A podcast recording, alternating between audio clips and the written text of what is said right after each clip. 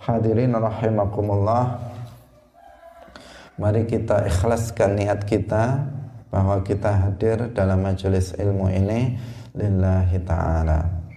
Pagi hari ini kita akan membahas tentang masalah sholat jamaah dan sholat Jumat.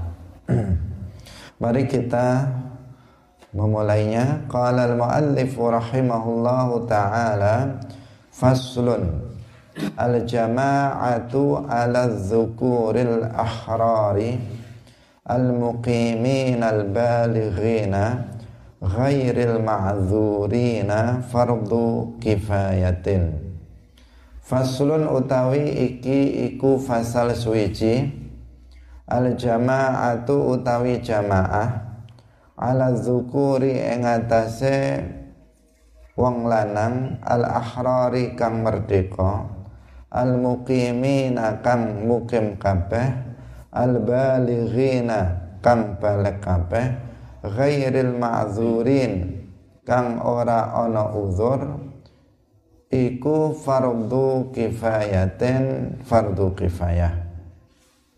Wa fil jumu'ati lan iku ing dalem salat Jumat fardu ainin utawi fardu ain alaihim ing atase adzukuril ahraril muqimin al balighina ghairil ma'zurin. Idza kanu tatkalane ana sapa adzukuril ahrar al mukallafina iku arba'ina petang puluh al mukallafina kang mukallaf kabeh fi abniyatin ing dalam bangunan manggon ing dalam bangunan. Wa alam wa alaman lan ing atase wong wajib ing atase wong nawa kang niat sapa man al iqamata ing netep indahum ing dalam ngersane arba'in al mukallafin fi abniyah. Arba'ata ayyamin ing papat pira-pira dina sihahen kang murni wa alaman lan ing atase wong balaghahu kang tumeka ing man apa nida usayyiten apa nida usayyiten panggilan azan kang uh, kang banter min tarafin sangking min tarafin sangking pinggir pinggir daerah yalihi kang yalihi kang nyedei uh, da, uh, taraf min baladiha sangking daerahe uh, daerahe min baladiha sangking balate atau daerah Jumat. Hadirin hadirat rahimakumullah Mu'allif dalam fasal ini menjelaskan yang pertama tentang hukum sholat jamaah dalam sholat fardu dalam sholat lima waktu. Bahwa sholat jamaah itu hukumnya adalah fardu kifayah. Maksudnya sholat jamaah dalam sholat lima waktu sholat zuhur, asar, maghrib, isya, subuh. Nah, melaksanakan sholat jamaah dalam sholat lima waktu itu hukumnya adalah fardu kifayah.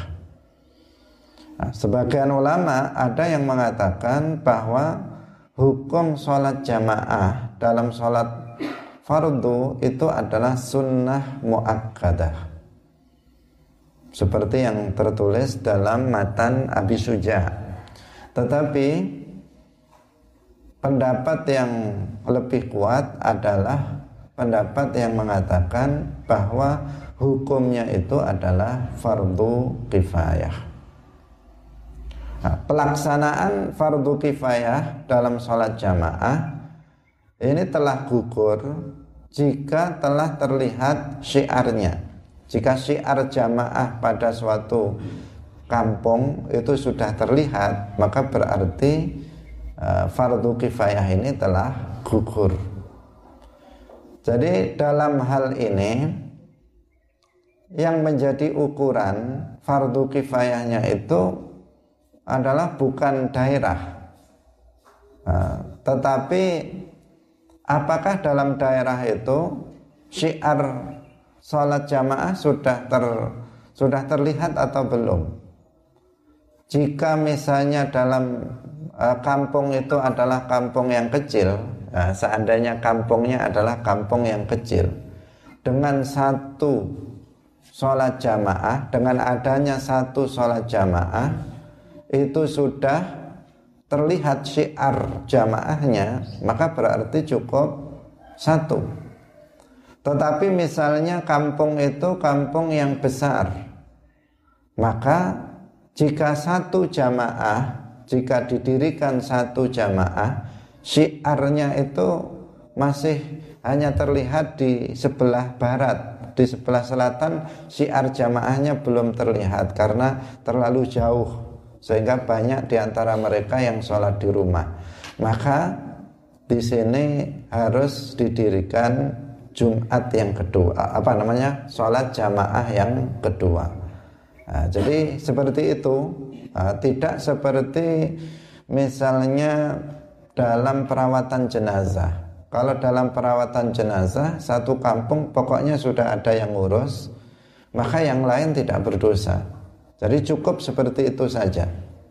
Tetapi kalau dalam sholat jamaah ini dikatakan gugur fardu kifayahnya apabila apa namanya syiar jamaah itu sudah terlihat. Jika belum terlihat maka harus ditambah dengan jamaah yang lain. Jika tidak terlihat lagi, maka harus di, uh, didirikan jamaah yang lain. Nah, maksudnya seperti ini. Nah, saya ulangi lagi, misalnya kampungnya cuman kecil dengan ada satu masjid atau misalnya satu musola, maka di situ sudah ada syiar jamaah, maka cukup. Tetapi kalau daerah kampungnya itu besar, dengan diadakan di sebelah barat, maka yang di sana siar jamaahnya belum tampak, nah, belum tampak, sehingga di sana ditambah lagi satu musola. Nah, ternyata yang daerah utara itu belum terlihat juga jamaahnya, maka wajib diberikan satu lagi ya, sholat jamaah di sana. Nah itu dikatakan baru gugur apa namanya hukum fardu kifayah dari seluruh apa namanya umat Islam di kampung itu. Nah, jadi seperti itu ukuran untuk menggugurkan fardu kifayah dalam sholat jamaah. Hadirin hadirat yang dirahmati oleh Allah Subhanahu wa taala. Jadi ukurannya itu, ukurannya adalah syiar dan syiar itu juga apa namanya ditentukan oleh apa namanya jauhnya tempat itu dari tempat yang lain kira-kira sudah kesulitan. Kalau sini ke sana sudah kesulitan untuk uh, berjalan menuju ke sana, maka di sini dibuat lagi syiarnya. Begitu seterusnya berarti Eh, banyak sedikitnya itu ditentukan salah satunya oleh besar kecilnya kampung tersebut. Hadirin hadirat rahimakumullah.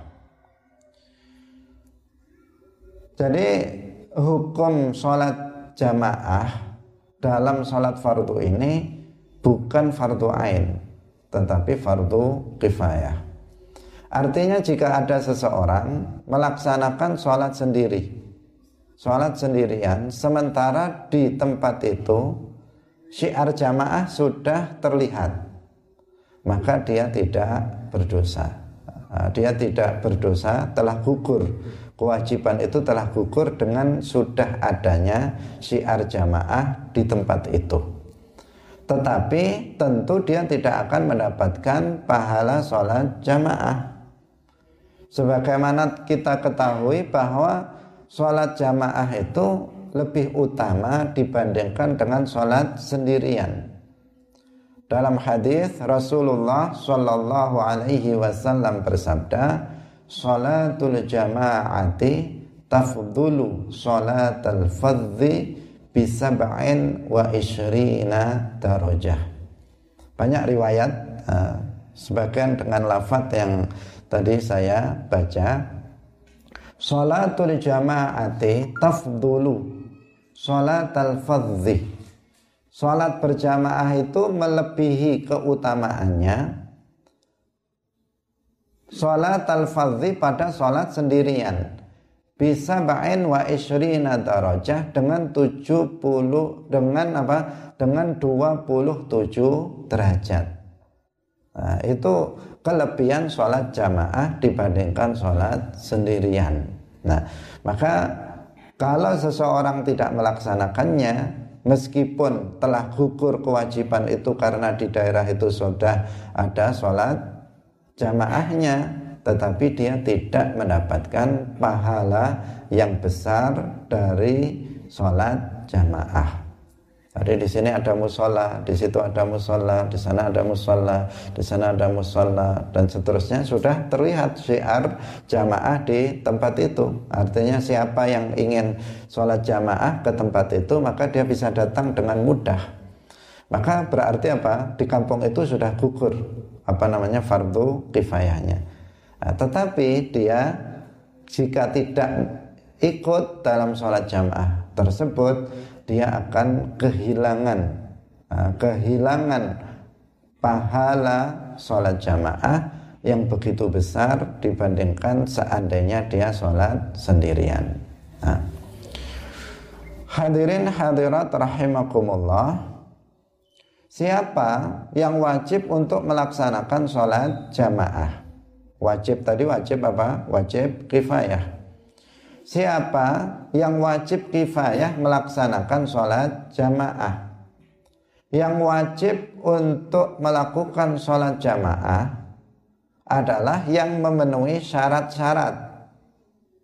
Yang pertama adalah az-zukuri, kemudian yang kedua al-ahrari, yang ketiga al-muqimina, yang keempat al-balighin dan yang kelima ghairil ma'zurin.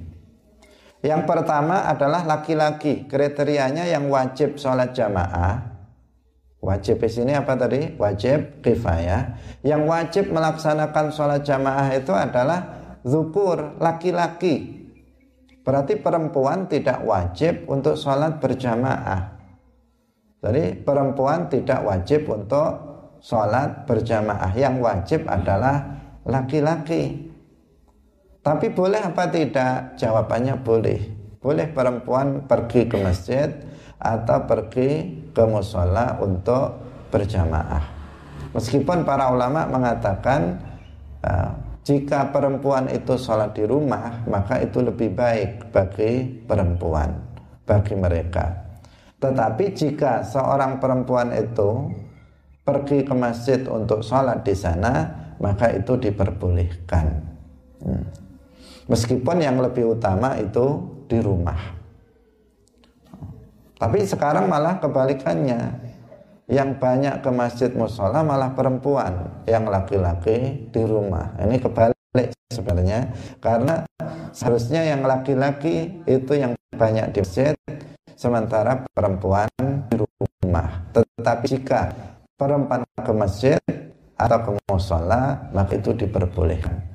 Rasulullah Shallallahu Alaihi Wasallam bersabda, La tamna'u nisa'akum al-masajida wa buyutuhunna khairul.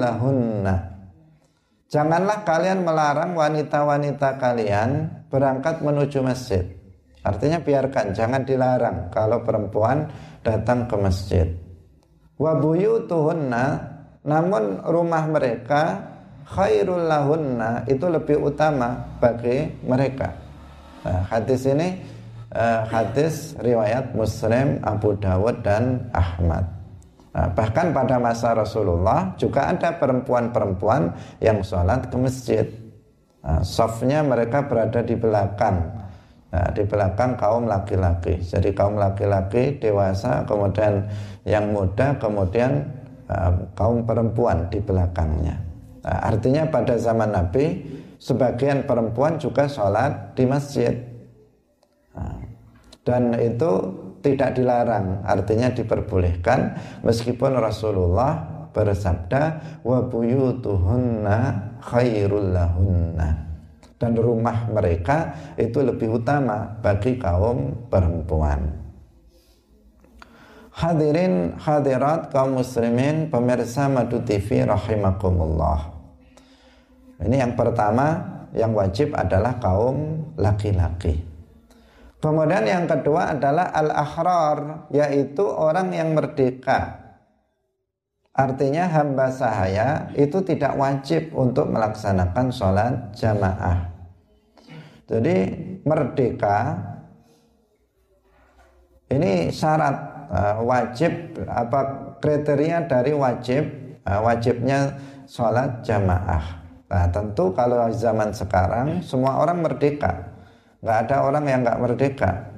Nah, nggak ada hamba sahaya nggak ada budak maka berarti berlaku bagi laki-laki yang merdeka kewajiban melaksanakan sholat jamaah kemudian yang ketiga adalah al-muqimin mukim orang yang mukim berarti musafir itu tidak wajib untuk melaksanakan sholat jamaah.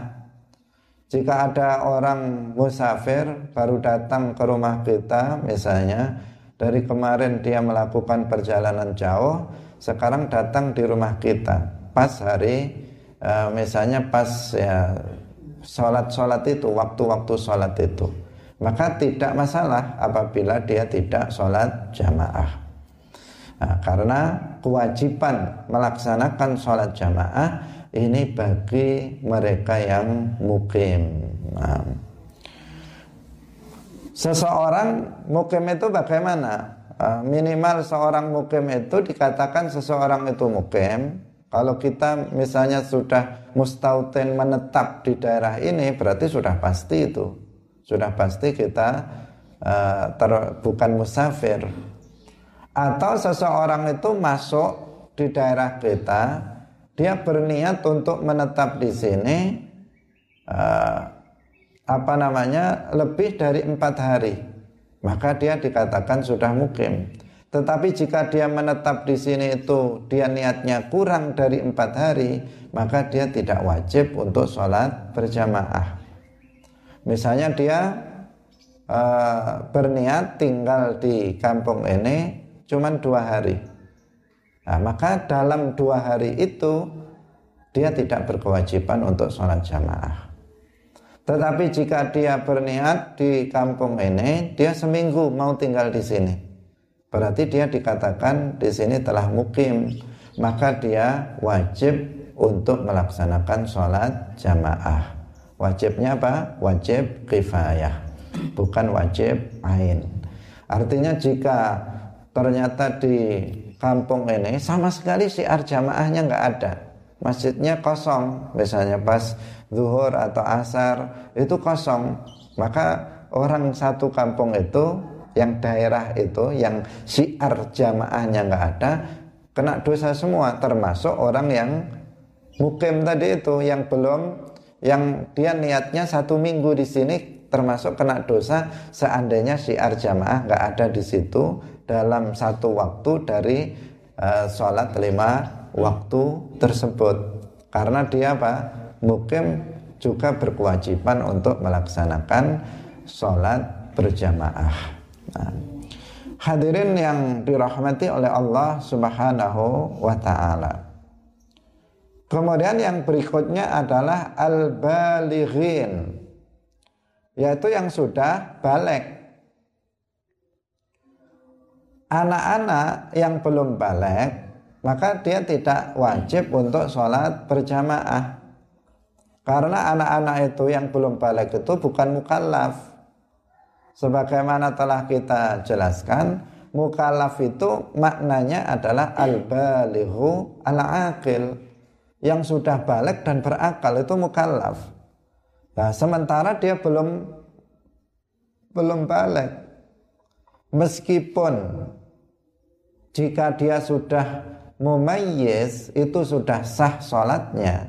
Tetapi dia belum wajib untuk melaksanakan apa namanya sholat. Sehingga dia pun tidak wajib untuk melaksanakan sholat jamaah. Sholatnya saja anak-anak yang belum balik tidak wajib baginya.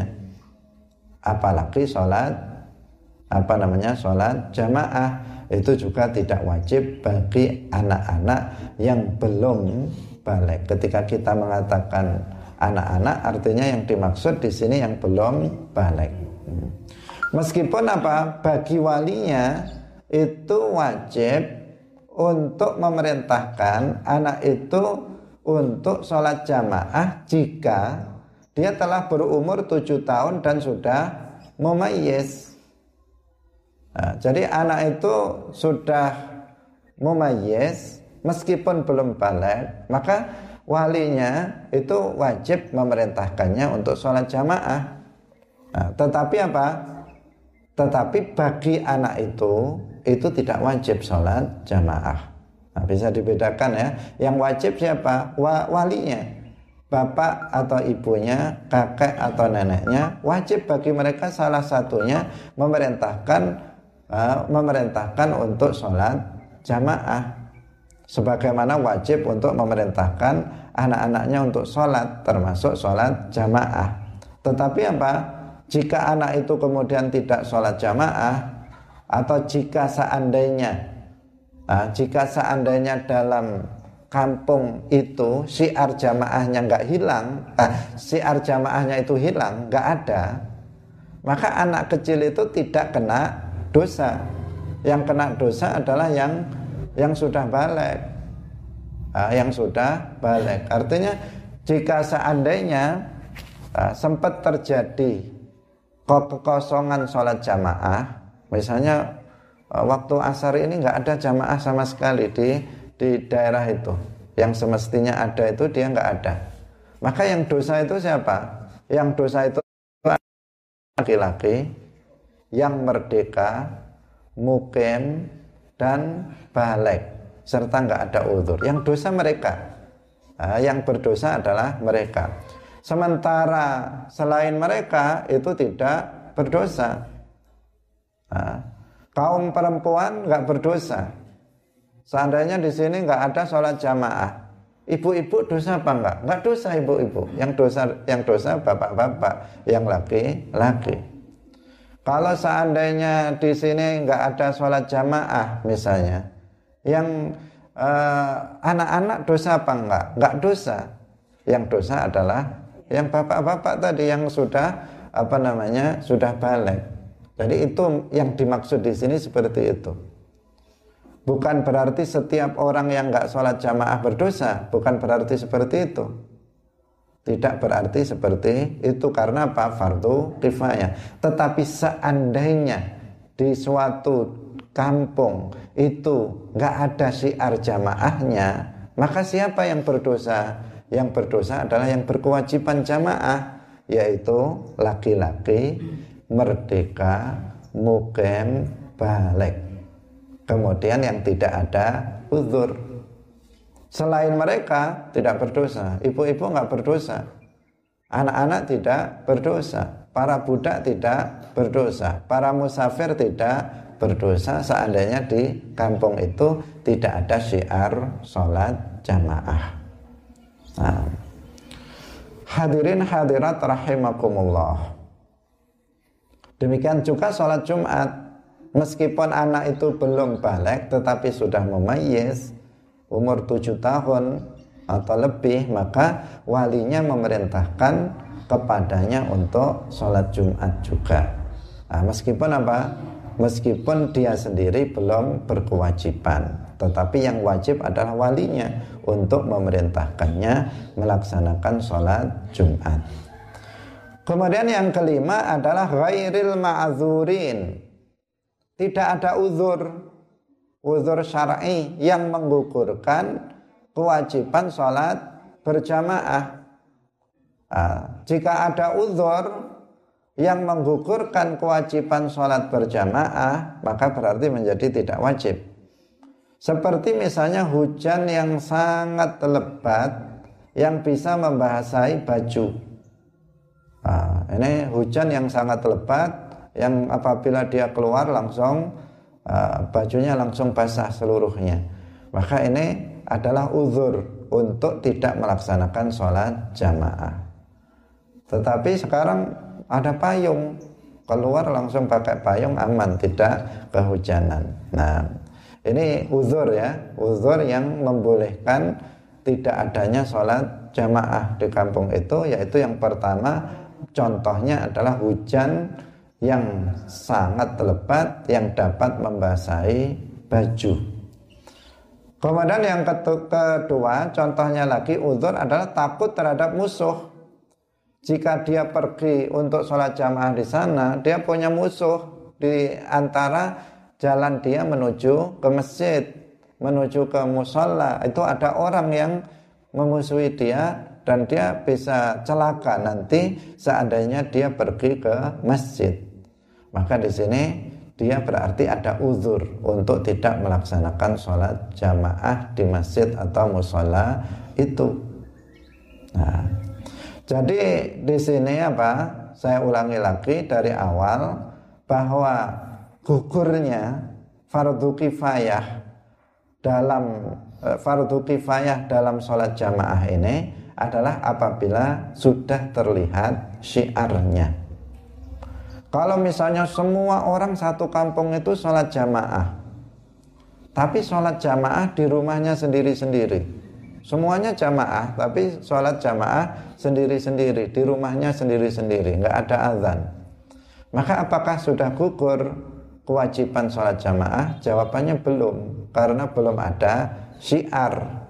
Syiar jamaahnya belum ada. Meskipun semuanya sudah jamaah. Nah, harus ada kalau misalnya sudah ada di musola atau di masjid terdekat, di situ sudah dilaksanakan sholat jamaah. Kemudian ada sholat yang jamaah sendiri di rumah, maka di sini sudah nggak ada dosa. Kenapa? Karena sudah ada siar. Di dekatnya sudah ada siar jamaah. Tetapi jika semuanya sholat jamaah di rumah, lah itu yang berarti belum uh, belum terpenuhi. Belum terpenuhi syiar, belum terlihat syiar sholat jamaah sehingga hukum fardu kifayah belum gugur.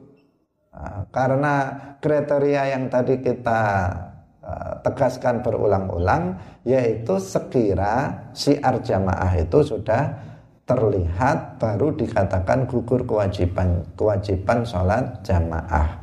Bahkan tadi kita sampaikan jika di sini sampai ke jarak tertentu siarnya sudah hilang lagi di sini sudah kesulitan datang ke sini dirikan lagi. Nanti sampai ke sana lagi sudah orang-orangnya sudah sulit untuk datang ke sini masjid yang kedua ini atau musola yang kedua. Buat lagi di sana. Begitu seterusnya. Nah. hadirin hadirat yang dirahmati oleh Allah subhanahu wa ta'ala. Berikutnya. Wa fil jumu'ati fardu ainin alaihim. Nah, dalam sholat Jumat, sholat jamaah itu hukumnya fardu ain. Kalau dalam sholat lima waktu, sholat jamaah itu hukumnya apa? Fardu kifayah. Kalau dalam sholat Jumat, hukumnya fardu ain. Artinya sholat Jumat nggak bisa dilaksanakan sendirian di rumah sendirian nggak bisa Nah, jadi hukum sholat jamaah dalam sholat Jumat hukumnya fardu ain. Hukum sholat jamaah dalam sholat lima waktu hukumnya fardu kifayah. Kalau dalam sholat sunnah ada yang dianjurkan untuk berjamaah, ada yang tidak dianjurkan untuk sholat jamaah yang dianjurkan sholat jamaah seperti dalam sholat Idul Fitri, Idul Adha dianjurkan untuk berjamaah. Dalam sholat tarawih dianjurkan untuk berjamaah. Dalam sholat misalnya apalagi uh, dalam sholat witir dalam bulan Ramadan itu juga berjamaah. Di, dianjurkan untuk dilaksanakan berjamaah. Sholat gerhana, khusuf atau kusuf itu juga dianjurkan untuk berjamaah. Tetapi dalam sebagian sholat itu tidak dianjurkan berjamaah, lebih baik tidak berjamaah. Seperti misalnya sholat tahajud sendiri, nggak usah berjamaah. Dalam sholat duha itu sholat sendiri saja tidak usah berjamaah. Nah, ini apa namanya uh, dalam sholat sunnah ada yang dianjurkan untuk berjamaah, ada yang tidak dianjurkan untuk berjamaah. Tetapi jika berjamaah maka tetap sah sholatnya. Ini nggak dianjurkan sholat berjamaah, sholat duha, nggak dianjurkan untuk sholat jamaah, tapi dia tetap jamaah. Alasannya untuk uh, biar semangat. Nah, semangatnya kalau berjamaah misalnya. Maka di sini ya tidak tidak itu tidak afdol, tidak lebih utama. Yang lebih utama malah sendirian sholatnya. Tetapi jika dilakukan maka tetap sah sholat yang dilakukannya. Um, hadirin hadirat rahimakumullah. Jadi Salat berjamaah dalam salat fardu yang lima hukumnya fardu kifayah. Salat berjamaah dalam salat Jumat hukumnya fardu ain. Salat berjamaah dalam salat sunnah itu ada yang dianjurkan, ada yang tidak dianjurkan untuk berjamaah. Salat Idul Fitri Misalnya dianjurkan berjamaah. Jika nggak berjamaah bagaimana? Tetap sah. Nah, tetap sah. Hadirin rahimakumullah. Nah, terus sholat Jumat yang dilakukan dengan berjamaah ini siapa yang berkewajiban melaksanakannya? Yang yang berkewajiban adalah orang yang berkewajiban melaksanakan sholat Jumat, eh, sholat jamaah tadi, yaitu laki-laki kemudian merdeka, merdeka, kemudian mukim, balik, tidak ada uzur. Ini yang berkewajiban uh, untuk sholat jamaah. Terus ada tambahan nanti yang akan kita sebutkan. Tetapi yang pokok yang juga berkewajiban untuk sholat Jumat adalah laki-laki. Kalau kalau kaum perempuan tidak wajib dia uh, untuk sholat Jumat dengan berjamaah ataupun sendirian. Apa? Karena sholat Jumat memang harus berjamaah. Nah, kaum perempuan jika nggak Jumatan nggak masalah. Tetapi jika seandainya ada perempuan yang Jumatan bagaimana? Ya tetap sah. Hmm. Jadi ini apa namanya tentang orang yang berkewajiban sholat Jumat. Anak-anak yang belum balik tidak berkewajiban sholat Jumat tapi tadi kita katakan wajib bagi walinya. Jika anak itu sudah mumayyiz, berumur tujuh tahun, memerintahkan anaknya untuk sholat Jumat. Meskipun anak itu belum berkewajiban untuk melaksanakan sholat Jumat. Nah, kemudian mukim, kalau musafir, misalnya dia dalam perjalanan jauh, kemudian dia nggak sholat Jumat, dia di sini dua hari. Nah, mulai hari Kamis sama hari Jumat. Dia tinggal di sini Kamis sama Jumat atau tiga hari. Dia niat tinggal di sini. Dia datang sudah hari Kamis, mau pulang hari Ahad. Mau pulang hari Ahad. Dia berniat seperti itu. Berarti kan lewat Jumat. Ketika orang-orang pergi Jumatan, dia malah tidur misalnya. Maka itu bagaimana? Meskipun dia laki-laki, uh, dewasa sudah balik tidak masalah. Uh, tidak masalah. Tidak berdosa dia. Kenapa? Karena sholat Jumat wajib bagi orang yang mukim bukan bagi orang yang musafir.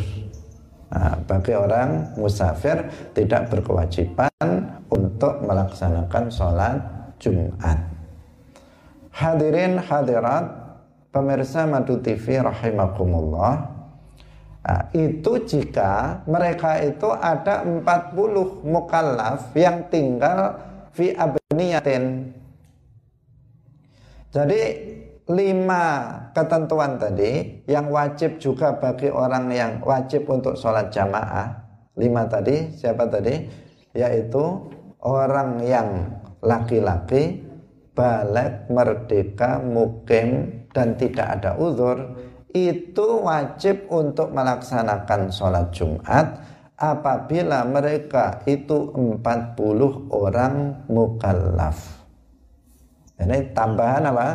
Tambahan ketentuan, tambahan ketentuan untuk wajibnya melaksanakan sholat Jumat. Jadi mereka adalah 40 orang mukallaf yang mustautin.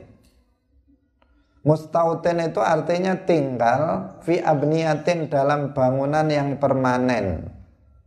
Jadi dia tinggal di bangunan yang permanen apakah itu terbuat dari batu bata seperti umumnya kita di sini atau misalnya terbuat dari kayu seperti yang ada di sebagian daerah atau misalnya rumahnya itu terbuat dari bambu gedek misalnya nah, tetapi kalau itu adalah bangunan yang permanen maka itu apa uh, itu mereka kalau ada 40 orang yang memenuhi syarat terima tadi laki-laki merdeka dan seterusnya tadi maka berarti wajib dilaksanakan sholat Jumat di situ. Nah, berarti kalau di di perkemahan orang yang tinggal di perkemahan yang tidak permanen bangunannya hanya kemah, nah, maka di sini apa? Dia tid atau uh, tidak wajib melakukan sholat Jumat di situ. Tetapi apa? Tetapi bukan berarti sama sekali tidak wajib. Nanti melihat nah, melihat apakah dia masih mendengar azan dari kampung sebelah. Nah, apakah di situ ada Jumatan kalau misalnya ada sekarang, misalnya sekarang anak-anak kemah yang sudah balik juga gurunya di situ misalnya kemah.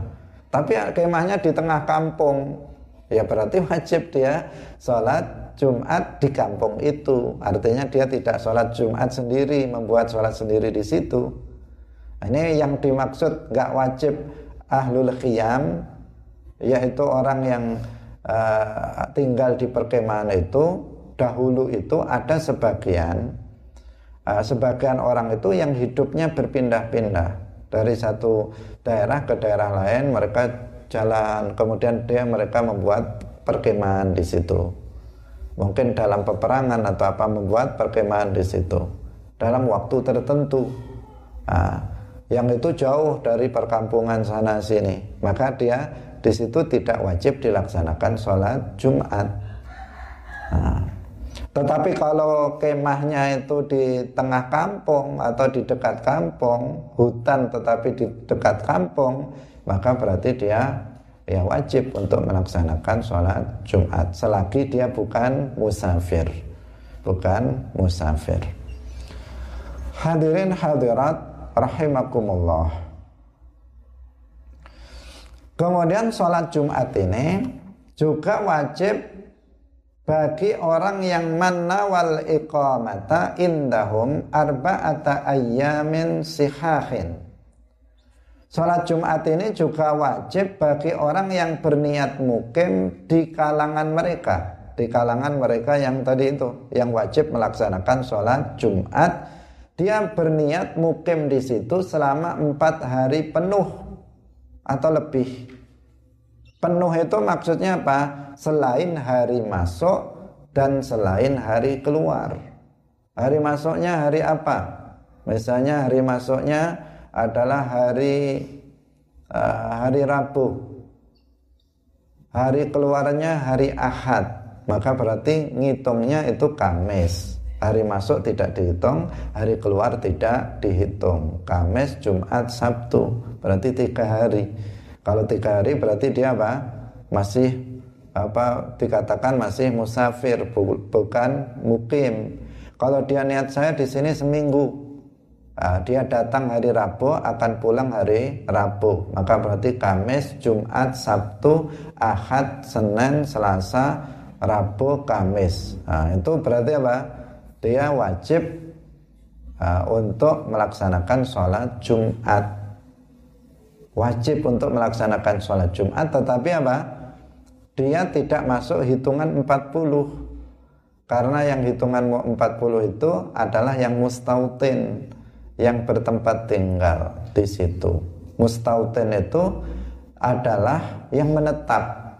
Menetap itu artinya jika orang itu pergi nah, meskipun lama dia akan kembali.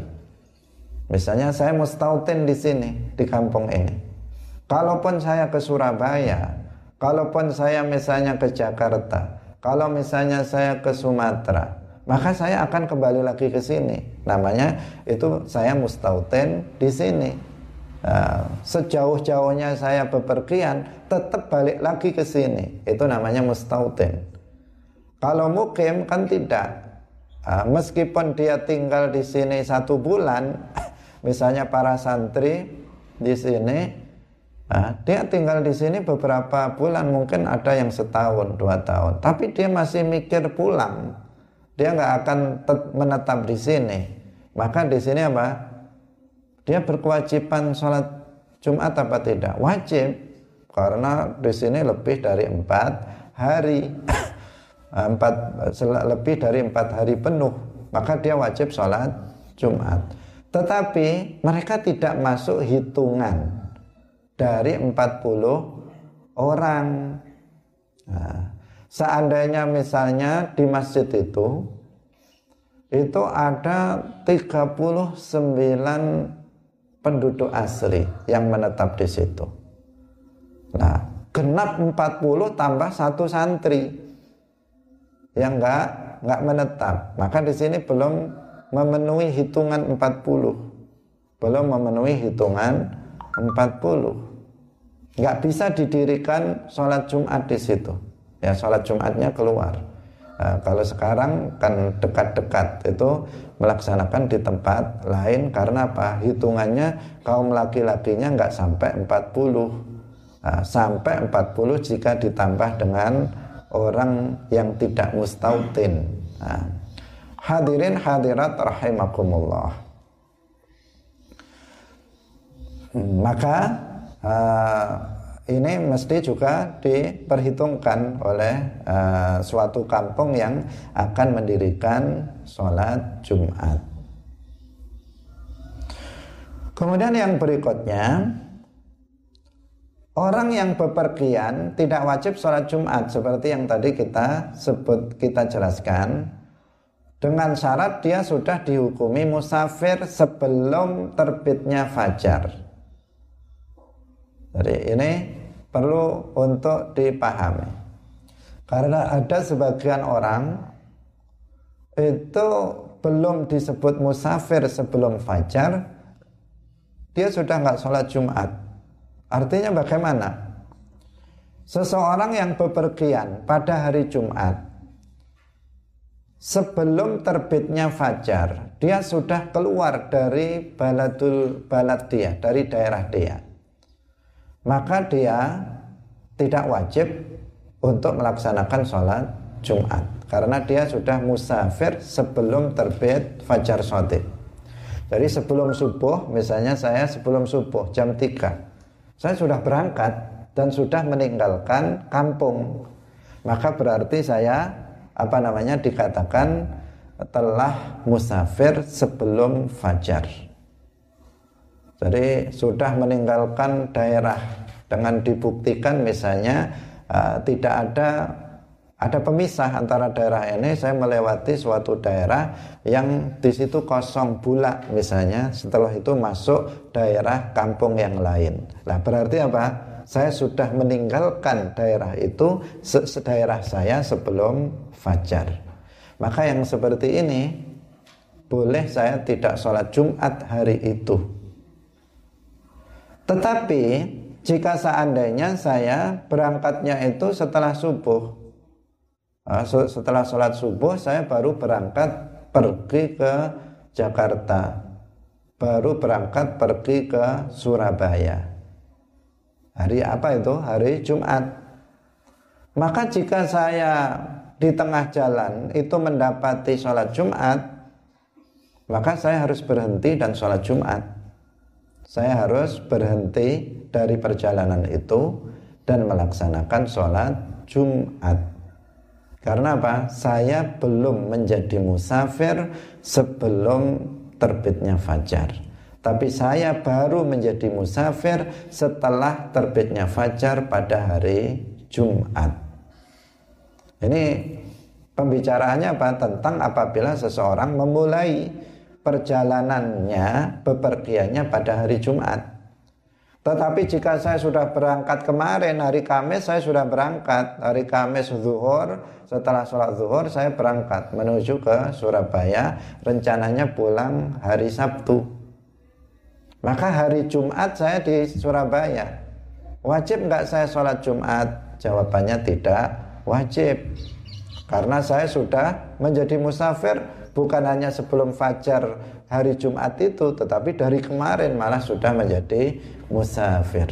Maka tidak wajib saya melaksanakan sholat Jumat di Surabaya. Tetapi jika perginya itu setelah apa? Setelah fajar sotek, setelah subuh. Hari ini misalnya hari Jumat, saya baru berangkat jam 7 Nah, kemudian di Surabaya sudah sampai Surabaya, nanti di Surabaya saya wajib sholat Jumat atau tidak? Jawabannya wajib. Kita sholat Jumat. Kenapa? Karena saya baru menjadi musafir setelah terbitnya fajar. Nah, hadirin hadirat rahimakumullah. Yang berikutnya, sholat Jumat juga wajib bagi orang yang mendengar azan. Seorang muadzin yang keras suaranya dari ujung daerah yang berdekatan dengan baladul Jum'ah. Di kampung dia nggak ada 40 orang. Laki-lakinya, kampung kecil. Atau kampung baru, kampungnya kampung kecil, laki-lakinya nggak sampai 40 cuman ada 20 kakak misalnya laki-lakinya cuman ya sekitar 30 orang misalnya. Maka di sini kan tidak wajib didirikan sholat Jumat di situ karena nggak memenuhi syarat. Tapi apakah dia tidak wajib melaksanakan sholat Jumat? Jawabannya jika dia di pinggir daerah dia itu dia mendengar suara azan Jumat dari kampung sebelah maka dia wajib Jumat menuju ke sana. Nah, dia sholat Jumat di kampung sebelah. Dia wajib hukumnya seperti itu. Nah, karena di daerahnya bang nggak sampai 40 orang sementara yang baru uh, bisa didirikan Jumat jika jumlahnya itu 40 orang laki-laki yang tadi balik dan seterusnya yang sudah kita sebutkan di awal pelajaran kita ini.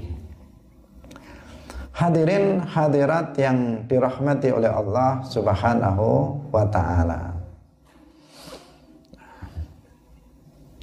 Orang yang tinggal di tenda tadi kita katakan jika dapat mendengar suara azan seorang muadzin yang keras suaranya juga wajib menunaikan sholat Jumat. Sudah kita sebut tadi.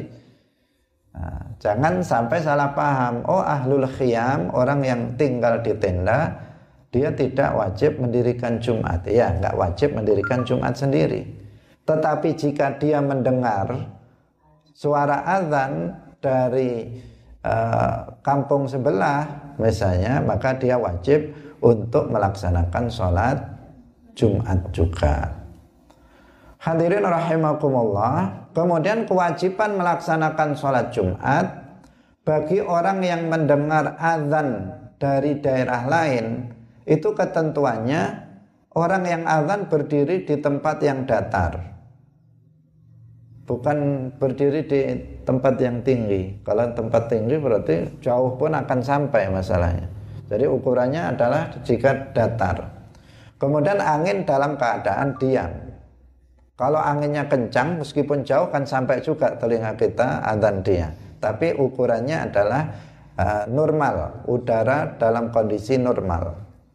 Kemudian dia mengetahui bahwa yang dia dengar adalah azan, meskipun nggak jelas kalimat-kalimatnya, itu azan itu, nggak jelas, tapi dia tahu oh, itu azan itu suara azan.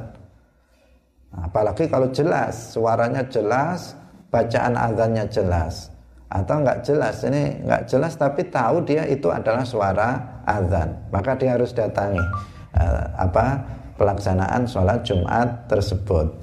Kemudian pendengaran orang tersebut adalah pendengaran yang sedang, bukan orang yang lemah pendengarannya, nah, tetapi pendengaran orang yang normal yang sedang.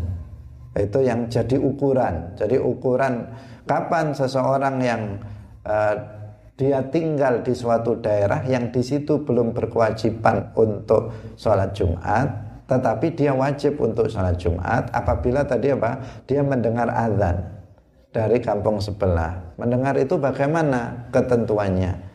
Yaitu ketika orang yang azan berdiri di tempat yang datar bukan yang lebih tinggi atau lebih rendah kemudian udaranya pas normal dalam kondisi stabil tidak anginnya tidak kencang. Kemudian dia mengetahui bahwa yang didengar adalah azan meskipun gak jelas kalimatnya. Kemudian pendengaran dia adalah pendengaran yang sedang. Tidak apa namanya bukan pendengaran yang lemah. Karena kalau pendengaran lemah meskipun di dekatnya nggak dengar juga dia nah, sudah ada azan keras di dekatnya dia nggak dengar bukan seperti itu yang jadi ukuran tetapi ukuran orang yang normal Hadirin hadirat rahimakumullah. Demikian uh, pengajian kita pada pagi hari ini. Semoga bermanfaat. Insya Allah besok akan kita lanjutkan kembali. Tetap masih tentang permasalahan sholat Jumat dan juga sholat jamaah. Semoga bermanfaat. Barakallahu fikum. Wallahul muwaffiq ila aqwamit.